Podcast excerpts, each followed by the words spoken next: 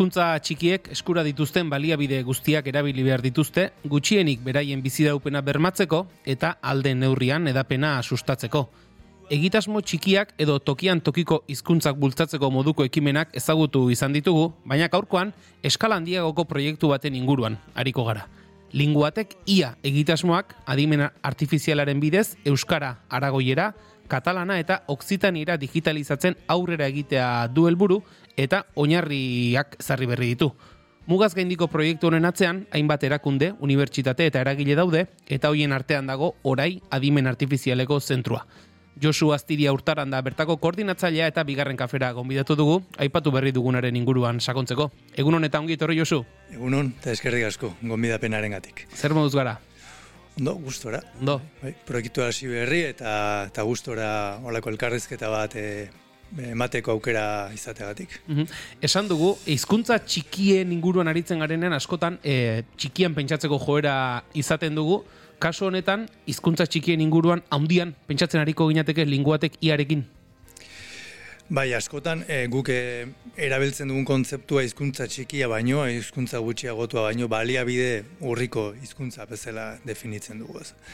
Eta ia da baudela, bueno, katalana bezalako hizkuntzak, ba, nola baite, bueno, ba, berain edaduragatik, ba, e, iztun asko dituztenak ez, baino, ba dituzte berein zailtasunak e, e, bueno, garapen teknologikorako eta horregatik esaten diogu baliabide burriko hizkuntzak ez, da are gehiago, ba, euskerarekin, oksitanierarekin edo zer esanik ez, aragoierarekin eta ia da, ba, ba hundi, hundira jokatzeko proiektu badela ez.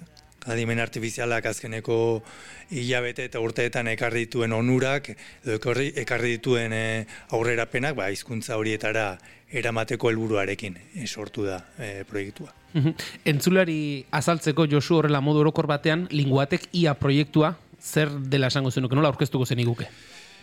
E, lankidetza proiektu bada, lankidetza teknologikoko proiektu bat, Euskara, Oksitaniera, Araoiera eta Katalanaren artean, garatzen den teknologia elkarrekin konpartitzeko, Berain digitalizazioan e, urratsak, urratxe esanguratsuak emateko eta horretarako e, GPT eta bezalako teknologien atzen dauden hizkuntza eredu neuronaloiek, hizkuntza xeetasun handiz ulertu eta sortzeko gai diren eredu horiek hizkuntza hizkuntza horietara eramateko e, asmoarekin sortua.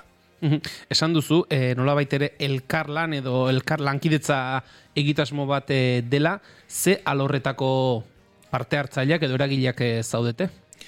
Beragile askotarikoak, e, aipatu duan bezala lau hizkuntzetan lan egiten dutenak, baina Perpinango Unibertsitatik hasi, e, Toulouseko San jo, Jan Jogs e, ere bertan dago, e, Oksitenearen e, kongresua edo hizkuntza akademia dena Elo kongre ere bertan dago eta iparraldeko Baionako Iker zentroa. Hori, ba, Frantziako egualdeari dagokionez eta Oksitaniera eta Katalanaren zati bat ere hartzen dute, bai? Frantzian ere Katalana hitz egiten delako. Eta gero egoaldean ja e, eluiar eta orai leudeke, e, EHUko hitz zentroa, Aragoiko e, gobernua eta azkenik e, Lleidako unibertsitatea. Linguatek ia bezala aurkeztu dugu, baina e, uste dut aurretik ere bazela zerbait, ez? Linguatek izeneko proiektu bat bazen, haren jarraipen bezala aurkeztu daiteke? Bai, jarraipen, jarraipena da, jarraipen natural bat, 2008an hasi ginen proiektu, proiektu honekin, intuizio zegia esan, e, bagenuelako elo kongres eta eluiarren artean harreman bat, e, ja Euskadi e, Akitania berria Nafarroa deialdian ba, proiektuak elkarrekin aurkeztu genituelako eta ikusten genuen gure arteko lankietza teknologiko hori onura hundiak ekarri zituenak ba, bazaukala beste potentzialidade bat, ez? Eta hasi ginen ba, beste hizkuntza batzuekin harremanetan jartzen, eta erabaki genuen ba proiektu bai eskala hondiko proiektu bat e, e, eraikitzea eta 2019 2022 ba adibidez Oksitaniera erentzat itzultzaile automatiko bat eraiki genuen e, transkripzio eta subtitulazio sistema bat eta hizketaren sintesia egiteko proiektu bat. Hau da, hamarkadak euren kasa hasiko balira markadak beharko zituzketen, gure kasu horretan, ba, gurekin lankietzan e, arituta, eta gure jakintza berei pasa genienez, ba, iru urtetan, ba, hizkuntza baten biziraupen digitalaren zatu oinarrizkoa diren teknologiak eskuratu zituzten. Mhm. Askotan esaten da, Josu, e, norbera bakarrik azkarrago joan litekela, taldean urrunago joaten dela, kasu honetan, teoria hori ere apur bat hausten da esaten duzun horrengatik, ez da? E, bakarkaritu ezkero urte asko beharko lirateke teknologia hori garatzeko, kasu honetan taldean egin dere, azkartasun irabazten da? Bai, kasu honetan digitalizazioak e, eta hizkuntza teknologia da eramaten e, abiadura ba eskatzen du ba azkarrak izatea eta azkar erantzutea. E, ikusten dugu ba ilabete gutxitan zenolako aukerak irekitzen, irekitzen ari diren eta eta adi egon barra dago eta eta bueno, ba teknologia horiek lehenbailen e, geure hizkuntzetara geure hizkuntzetara ekarri. Ta azkartasuna ba ezinbestekoa da kasu honetan. Hasieran aipatu duzu Josu, e, baliabide gutxiko hizkuntza bezala e, aurkezten ditugun hauentzat e, dituzten baliabideak aprobetsatzea ezinbestekoa dela eta kasu honetan azpimarra egin beharko dugu baliabide teknologiko hietan, ezta? Bai. Baliabide urriko urriko, urriko testu inguru bat diot e, teknologia hauek e, ba oso intensiboak direlako datuetan, ez? Datu e, mas handiak behar dituzte, e, milioika parametro behar dituzte eta gure gure hizkuntzek ba hor badukate desabantaila bat, ez? Hortaz, proiektu honen eh, helburuetako bat, helburu nagusiena da, nola aprobetsatu arkitektura neuronal horiek, nola atera potentzialidade guztia, baina efizienteagoak izan ez datu gutxiago erabiliz, eta eta gainera e, konputazio almen gutxiago erabiliz. Ez? Orduan, hor dago pixka bat proiektu honen potentzialitatea urren gurtetarako eta gainera ikusirik, ba, Europako batzordetik, ez, ba, atorrela regulazio bat, edo zingo dela egin nahi dena, uh egi euskubidak errespetatu gabe, edo ze, eta e, testuen e, espolio hundiak e, egin gabe, ba, uste du, ba, asmatzen badegu datu gutxeekin e, emaitza honak lortzen, eta gaina ez, ikuspegi sozial eta etiko batekin, ba, bueno, barrakasta, arrakasta izango dula. Aipatu dugu, e, nola baita esateko, ba, baliabide gutxiko hizkuntzei aplikatzeko moduko hizkuntza eredu sortzaile berri buruzko, adimen artifizialeko ezagutzak aratzea dela e, erronketako bat, esaldi potoloa da hori, horrela gu bezala adimen artifizialen aditu ez garen ontzako, nola, nola azalduko zenuke? Bai, e, adimen artifizial sortzaia da, e, esaten dugunean da, e, chat GPT-ren atzean dauden e, sistema arkitektura mm horietaz, bai? E, GPT-a hitz egiten da, baina bestelako eredu neuronal batzuk baude, ba, e, librak direnak e, gainera ez, adibidez da, jama, jama izeneko bat. Ordan, e, e, arkitektura neuronal hauek e, gaitasun handia dauzkate, hizkuntza ulertzeko, hizkuntza xetasun handiz ulertzeko, baina ere gehiago hizkuntza sortzeko. Bai, orain arte pentsazinek ziren gauzak egiteko. Ba, elkarrezketa natural bat eramateko, testuen laburpenak ateratzeko, testuen testuetan dauden ideia nagusiak ekartzeko, eta bar, ez da.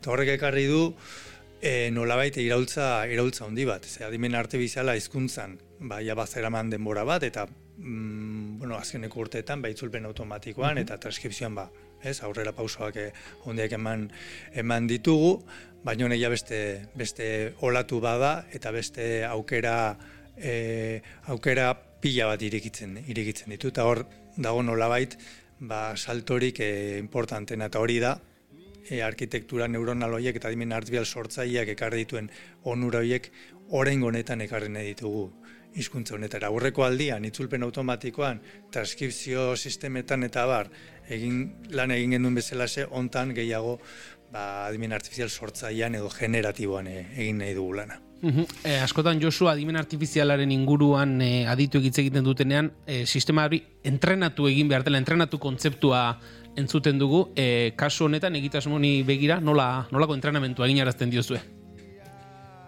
Ba, e, datu, datuen bidez, e, ez arkitektura neurona lauek behar dutena da, ba, korpus, korpus handiak orduan euskararako ingo duguna da, alik eta korpus handiena, handiena eratu, e, oren, bueno, guk behintzate e, libre dugun e, korpusik handiena ba, bosteun e, milioi hitzekoa da, eta gure apustua da hori bikoiztea edo irukoiztea. Eta horrekin ja, ba, arkitektura hauek e, entrenatu eta eta bueno, ja, ba, zenolako emaitzak ematen dituzten alor batzuetan adiez, ba, ba, zuzentzaile e, gramatikal neuronal baten bueno, lehen esperimentuak behintzate egin egin ditugu ez.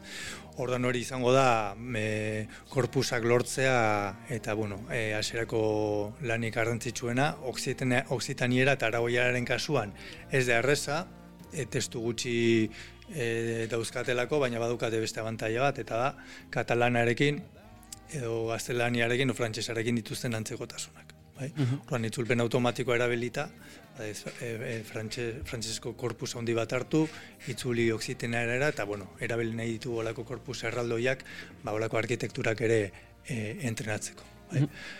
Ordan, bueno, olako, olako estrategiak, estrategiak jarraituko ditugu. Zuek, eh, Josu, admin artifizialeko zentrua izan da, pentsatzen dut kaldera askotan edo ingo zizutela edo komentario behintzat, adimen artifizialak orain artean behintzat, esfidantza moduko bat ere sortu du gizartean, ez dakit horrelako ba, baliabide urriko hizkuntzen kasuan eta erabiltzen dela ikusita eta eraginkorra izan litekela ikusita, e, mesfidantza hori arlo sozialean desagertzen laguntzeko moduko egitasmoak direla uste duzu?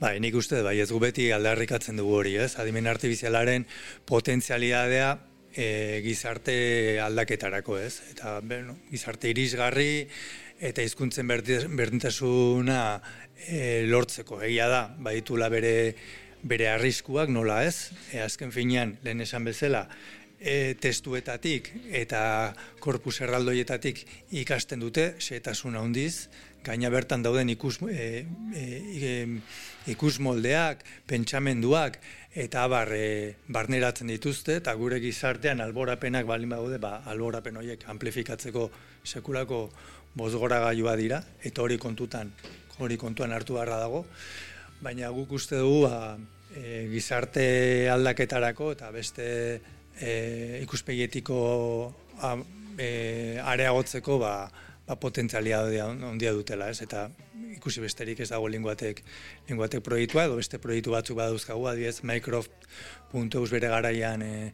e, sortu genuen, ez? Bor, mm -hmm.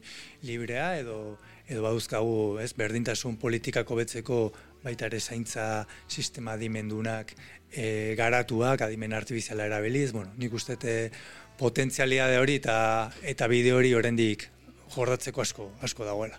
Kasu horretan, e, zuek adimen artifizialeko zentru bezala alor teknikoan garatu edo egiten duzuen hori e, gizarteratzean ere ematen diozue, gizarteratzeari ematen diozue, garrantzia hau da, jendeare joan da dela pixkanaka pixkanaka ulertzen egiten duzuen hori zer den?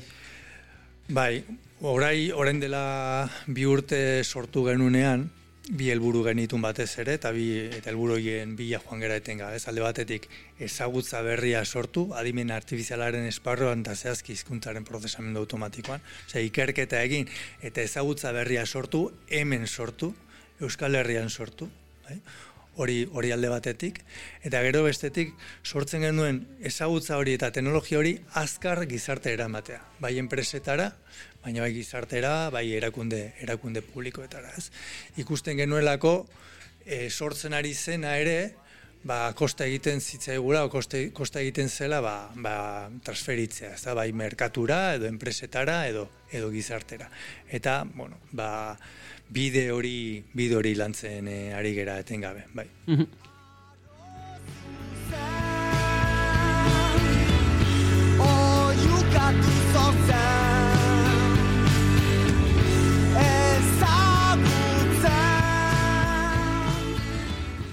esan dugu lehen ere Josu, e, mugaz gaindiko proiektu bat eta ze ari garela, zuk aipatu duzu, linguatek iaren aurretik linguatek bera ere bazetorrela, e, jarraipen edo garapen prozesu horretan pentsatzen dut, ba, mugaz gaindiko eragile ezberdinen artean lehenengo urratxetako bat izango dela ez, interes aman komunak topatu, hoiek balioan jarri eta hoien inguruan e, lanketak egitea. Bai, azkenean, e, bueno, bizio bat konpartitu beharra dago, ez? Eta bizio hori da, ba, gure hizkuntzek gure biziraupenerako ba, garapen digital oso bat behar dutela, ez? Horretarako, ba, importantea da konsortzio horretan, ba, ikus, ikuspegi horrekin bat egingo duten erakundeak egotea.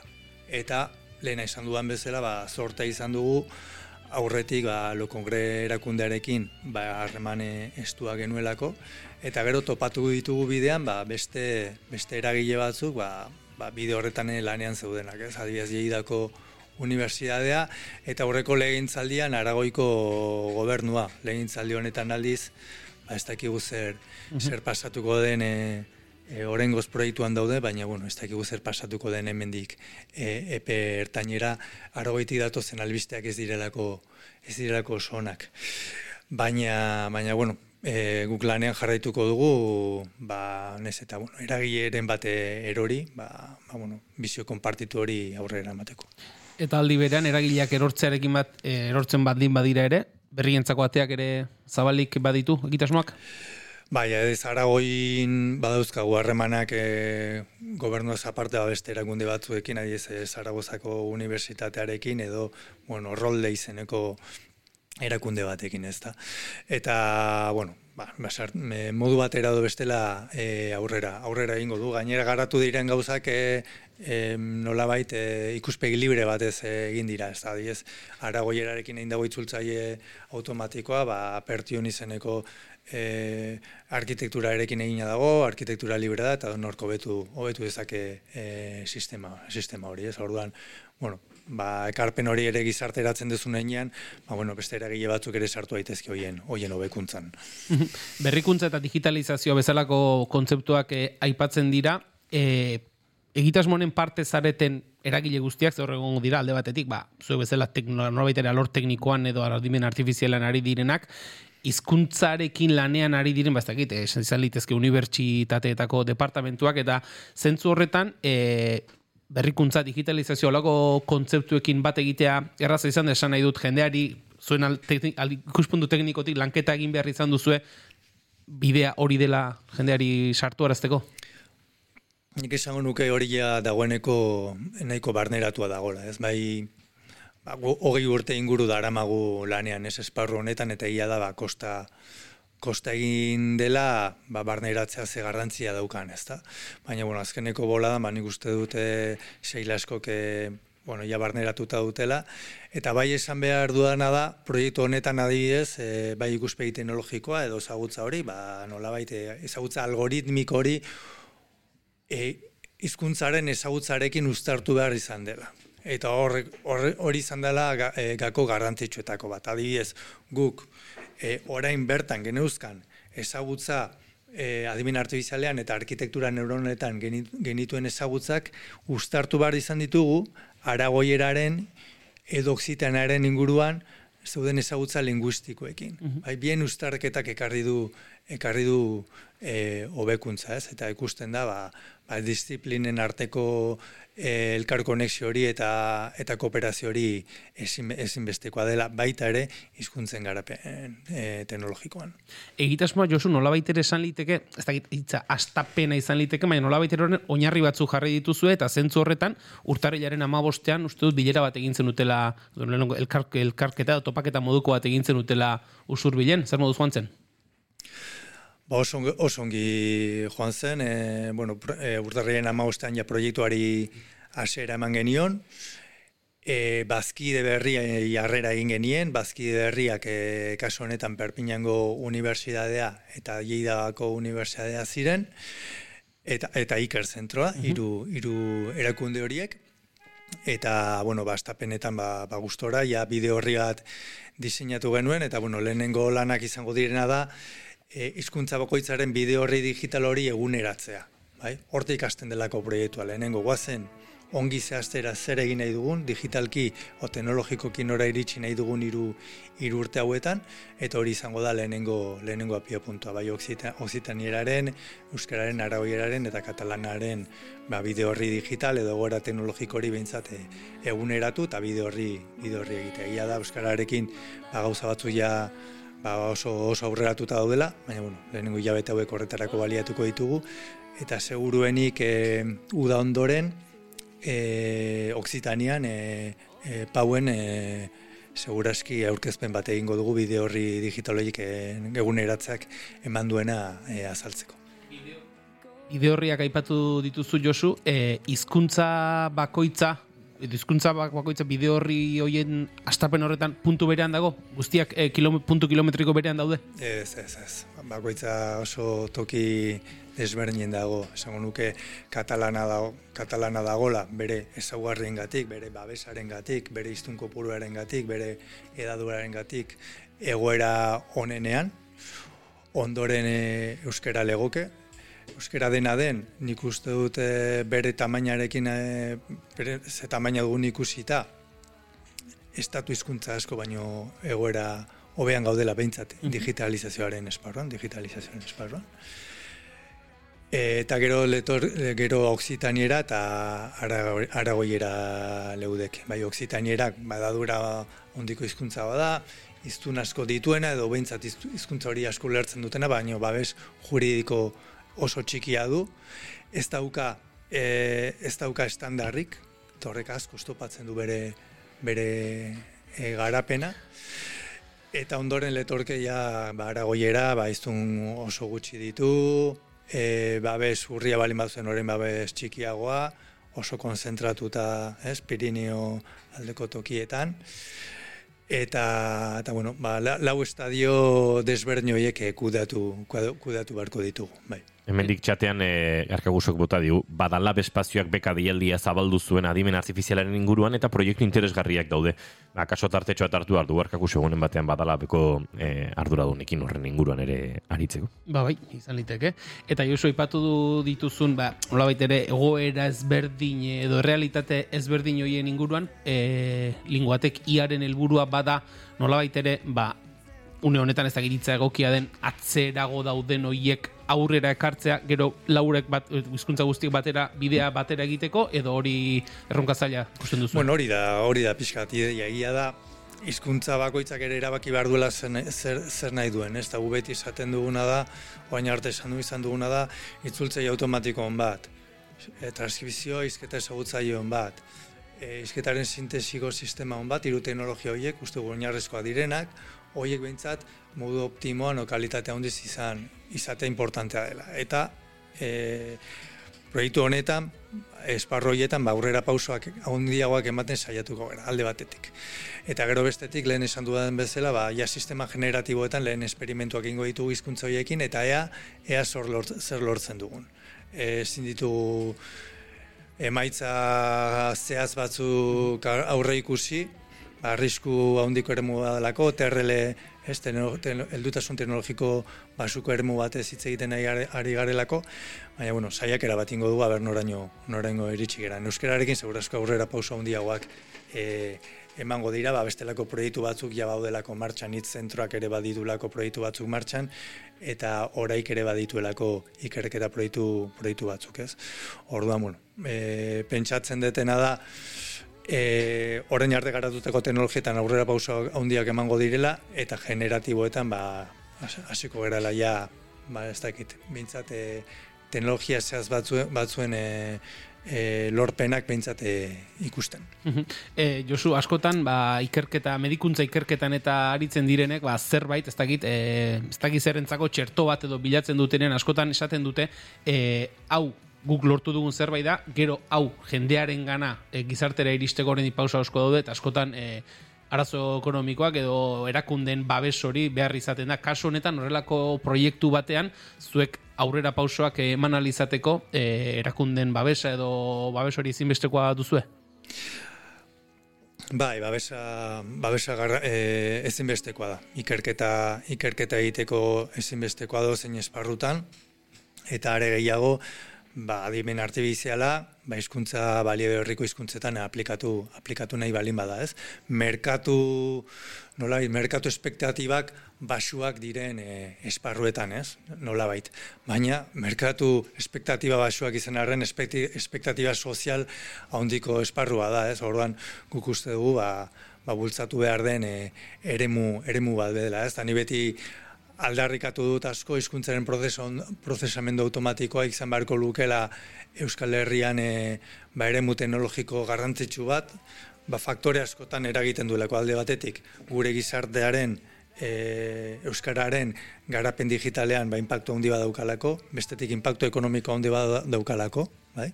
ba, industria bat sortu daitekelako horren inguruan, eta hirugarrenik irisgarritasunean, e, accesibilidadean ere impactu handia daukalako. Orduan, ba, uste badut, badut, olako teknologiak badutela impactu bat irukoitza, eta horregatik askotan aldarrikatzen dugu, ba, ba, teknologia hauek izan barkotu luketela ba, gure e, egiteko egiteko importantenetako bat, ez? Eta momentu honetan gizarte bezala erronka asko dauzkagu, baina euskara ere mu digitalean modu osasuntsuan e, eramata bezalako proiektu ederrik nik uste ez daukagula esku artean. Ba, hausnarketa interesgarri horikin geratuko gara, e, egia da, badimen artifiziala akaso gure burua baino azkarrago doala, linguatek ia egitasmoa ezagutu dugu, lendabiziko urratxa behintzat ezagutu ditugu, Josu Astiria urtaran, orai adimen artifizialeko zentruko koordinatzailearekin. Mila esker Josu, bigarren kafera urbiltzagatik, eta aurrerantzen ere, ba, gertutik jarraituko ditugu, zuen urratxak. Mila esker zure, eskerrik asko. eta